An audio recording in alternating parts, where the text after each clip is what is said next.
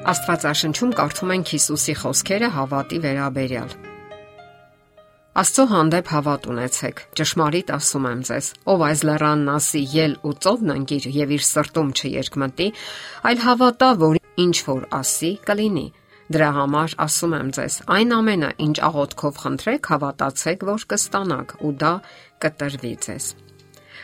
Համառ հավատքը լեռներ է շարժում։ Բնականաբար բառի փոխաբերական իմաստով։ Եվ համառ հավատքի օրինակը մենք տեսնում ենք Աստծո խոսքում։ Քրիստոսը բավական ճանապարհ էր կտրել եւ մոտեցել Փյունիկիայի սահմաններին։ Այդ ժամանակ նրան մոտեցավ Միկին եւ աղերսանքով դիմեց նրան. «Ողորմիր ինձ, Տեր, Դավթի որդի, իմ աղջիկը տարապում է դևից»։ Սակայն Հիսուսը անգամ մի բառ չպատասխանեց նրան։ Այն տպավորությունն է, թե Հիսուսը անտեսեց կնոջ խնդրանքը։ Այդ վայրի բնակիչները սերում էին կանանական հին ժողովրդից։ Նրանք կռապաշտ էին եւ հрьяաները արհամարում եւ անգամ ատում էին նրանց։ Այդ կինը նույնպես պատկանում էր այդ ժողովրդին եւ ամենայն հավանականությամբ լսել էր հрьяա ուսուցչի մասին։ Լսել էր թե ինչպես է նա Աստծո արքայությունը քարոզում եւ հրաշք բժշկություններ կատարում։ Եվ ահա լսելով Հիսուսի Գալիստյան մասին, այդ կնոջ մայրական սիրտը լցվել էր հույսով, որ իր աղջիկը նույնպես կարող է ազատագրվել սարսափելի հիվանդությունից կողմից։ Մինչ այդ նա ամենայն հավանականությամբ դիմել էր իրենց կուրքերին կամ կեղծ աստվածներին եւ ոչ մի պատասխան չէր ստացել։ Քրիստոսն իհարկե գիտեր այդ կնոջ պատմությունը, եւ իմանալով այդ մասին, նա ինքը կարծես ընթառաջ գնաց եւ հայտնվեց հենց այդ տեղում։ Նա գիտեր, որ հրեական հպարտությունը թույլ չի տվել շփվել հեթանոսների հետ եւ կարեկցանք դրսեւորել։ Իր աշակերտները նույնպես համարյա չէին շփվում նրանց հետ եւ հարկավոր էր խորտակել նախապաշարմունքների այդ արգելքը։ Առաջին անգամ նա չպատասխանեց կնոջ խնդրանքին, ցույց տալով, թե որքան սխալ է, որ աշակերտներն ու հրեաները անտարբեր տարբեր են հեթանոսների հանդեպ, սակայն կինը չէր կորցնում հույսը։ Նա համառ հավատքի լավագույն օրինակ ցույց տվեց։ Ավելի մոտենալով Հիսուսին նա շարունակեց աղերսել, որ նա բժշկի իր զավակին։ Աշակերտները տեսնելով այդ կնոջ համառությունը բարկացան ու Հիսուսին խնդրեցին, որ նրան հեռացնի։ Նրանք մտածում էին, որ իսկապես ճիշտ են անում, որ վատ են վերաբերվում կանանացիներին։ Սակայն չէ որ կինը դիմում էր աշխարի փրկչին, եւ Հիսուսը պատասխանեց. Ես ուղարկվել եմ միայն Իսրայելի տան կորած ոչխարների մոտ։ Կինը լսելով պատասխանը չնահանջեց։ Նա շարունակեց երկրպագել եւ աղերսել դստեր համար։ Տեր, օգնիր ինձ։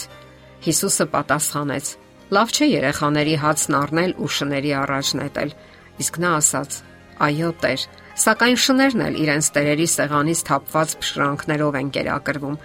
Այդ ժամանակ Հիսուսը պատասխանեց նրան ու ասաց. Ով կին, մեծ է քո հավատը։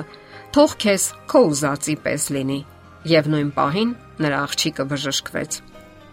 Այս երկխոսությունը Աստվածային սիրո եւ մարդկային փորձառության համառության օրինակ է։ Երբեմն այն տպավորությունն է, որ Աստված չի պատասխանում մեր աղոթքներին ու խնդրանքներին։ Գուցե մեզ թվա, թե Աստված անգամ չի լսում մեր խնդրանքները, ել ուր մնաց պատասխանի։ Սակայն դա բոլորովին էլ այդպես չէ։ Աստվածաշնչյան մեր օրինակում կանանացի կինը քանի անգամ թվում է թե բացասական պատասխան է ստանում, սակայն այդտեղ փորձվում էր նրա հավատը։ Կնոջ համառությունը հիրավի ապշեցուցիչ է։ Նա պարզապես մարտի է բռնվում Աստծո հետ եւ ամեն անգամ աղերսանքով պարզաբանում իր հավատքի ու աղերսանքի տրամաբանությունը։ Նա համառում է եւ չի նահանջում։ Միթե դու օրհնություն չունես ինձ համար, Տեր, Ահա նրա աղերսի ողջ իմաստը։ Դու չես կարող օրհնություն չունենալ ինձ համար, ով ամենակարող Տեր, համառում է նա եւ շարունակում. Ես չեմ հեռանա քեզանից, ինչև օրհնություն չստանամ։ Եվ Քրիստոսը հրաշք է կատարում։ Նա բժշկում է այդ կնոջ աղջկան։ Նա հեռանում է հրաշալի փորձառություններով, ծանր, սակայն ստանալով պատասխանը։ Արդյոք մենք էլ ունենք հավատքի նման փորձառություն համառում ենք մեր խնդրանքներում այնքան, մինչև ստանանք մեր խնդրանքների պատասխանը։ Ամեն աղոթք ու խնդրանք չէ, որ պետք է կատարվի հենց մեր ուզած ձևով։ Եվ Աստված երբեմն պատասխանում է. Ոչ, դա սխալ կլինի քեզ համար, որովհետև նշանակում է մենք սխալ ուղությամբ ենք շարժվում եւ Աստված կանգնեցնում է մեզ։ Սակայն ոչը նույնպես պատասխան է եւ մենք չպետք է հիասթափվենք կամ հուսահատվենք։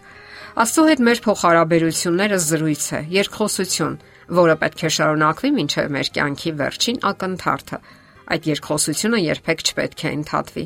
Երբեմն դժվար, երբեմն անհասկանալի, սակայն մեր կյանքը շարունակվում է եւ մեզանից պահանջվում է համառել, որոնել լավագույնը, Աստվածային ամենամեծ օրհնությունները, որը միայն նախատեսված է մեզ համար։ Եղեք համառ եւ մի նահանջեք։ Եթե ձեզ թվում է, թե պատասխան չեք ստանում, հիշեք կանանացի կնոջը, ով հեռացավ, ստանալով Աստվածային մեծ օրհնությունը,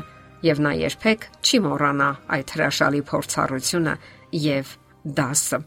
Դե ի՞նչ, համառությունը վարչատրվում է, հատկապես աղոթքի դեպքում։ Եթերում է ղողանջ հավերժության հաղորդաշարը։ Հարցերի եւ առաջարկությունների համար զանգահարել 033 87 87 87 հեռախոսահամարով։